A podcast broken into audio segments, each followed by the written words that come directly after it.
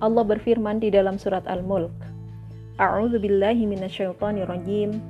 Bismillahirrahmanirrahim. Tabarakalladzi biyadihil mulk wa huwa ala kulli syai'in qadir. Alladzi khalaqal mauta wal hayata liyabluwakum ayyukum ahsanu amala.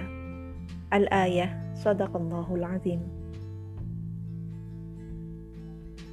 Dalam ayat yang kedua, Allah berfirman bahwa Allah lah yang menciptakan kematian dan kehidupan untuk menguji siapakah di antara kita yang terbaik amalnya. Masya Allah, ada banyak i'jaz, ya, mukjizat-mukjizat Al-Quran dalam lafat di surat Al-Mulk ayat 2 ini.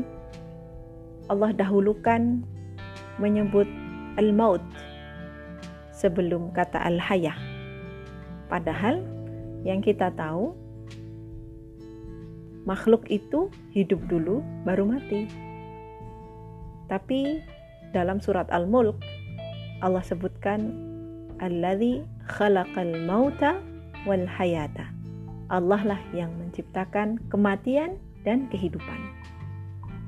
Rupanya Allah senantiasa mengingatkan kita bahwa kematian itu adalah sesuatu yang hak, sesuatu yang pasti akan datang.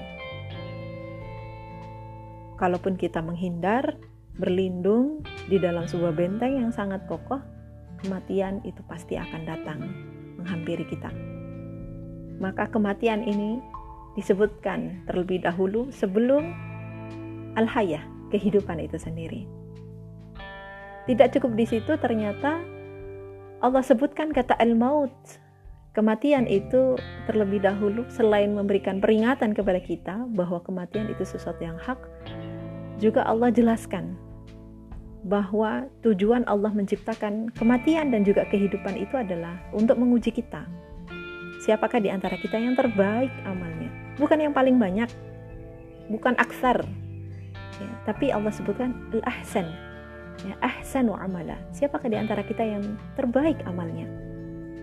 Apa amal yang terbaik itu? Amal yang terbaik itu adalah amal yang kita lakukan semata-mata mencari ridha Allah dan senantiasa meneladani mengikuti contoh yang telah diberikan oleh baginda Muhammad Wasallam.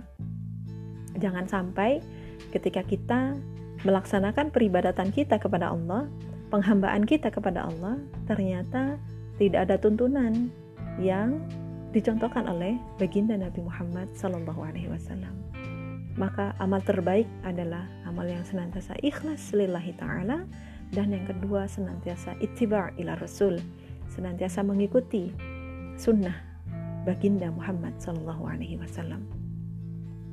Dari sini kita memahami bahwa hakikat dari kehidupan yang Allah berikan kepada kita, yang kita tinggal di dalamnya adalah sebuah ujian. Apakah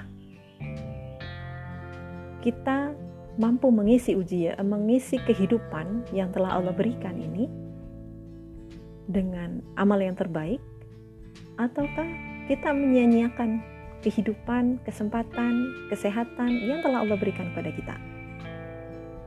Karena kadang kita lalai kalau kita itu sedang diuji.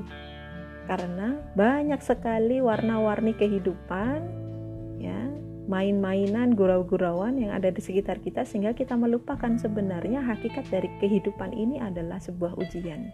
Liya beluakum ayyukum ahsanu amala.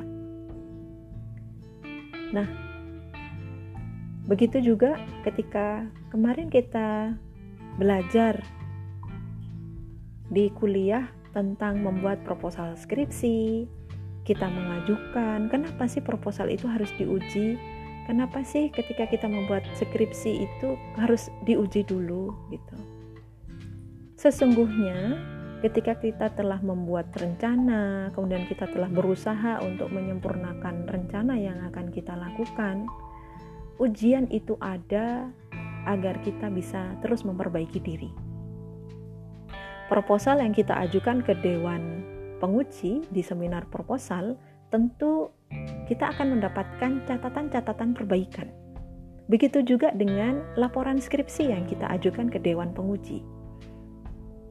Sekalipun sudah mendapatkan bimbingan dari supervisor kita atau pembimbing kita, tapi tetap saja ketika ujian itu berlangsung pasti akan kita dapatkan banyak catatan dan juga masukan dari para penguji.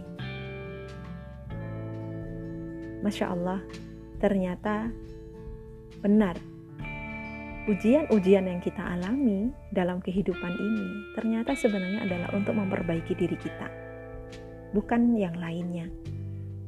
Apa yang harus kita perbaiki? Ya, kita perbaiki kalau kuliah berarti proposalnya diperbaiki, kalau skripsinya, skripsinya diperbaiki. Tapi kalau dalam kehidupan, apa yang harus kita perbaiki secara umum? Maka yang kita perbaiki adalah bagaimana keikhlasan kita ketika kita beramal. Apakah kita benar-benar menjalankan amalan semata-mata ikhlas lillahi ta'ala? Apakah benar aktivitas yang kita lakukan, perbuatan yang kita kerjakan itu senantiasa mencontoh teladan dari baginda Muhammad Shallallahu Alaihi Wasallam. Bagaimana hukum-hukum terkait dengan muamalah yang kita lakukan, bagaimana dengan akhlak yang senantiasa mengiringi dan menghiasi hari-hari kita, apakah kita sudah ittiba ila Rasul? Tentu ujian-ujian yang datang itu untuk membuat kita ingat kita harus terus memperbaiki diri.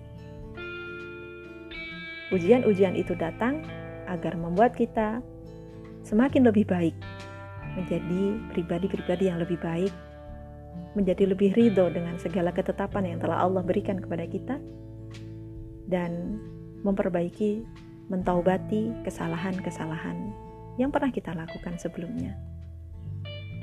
Wallahu a'lam bishawab.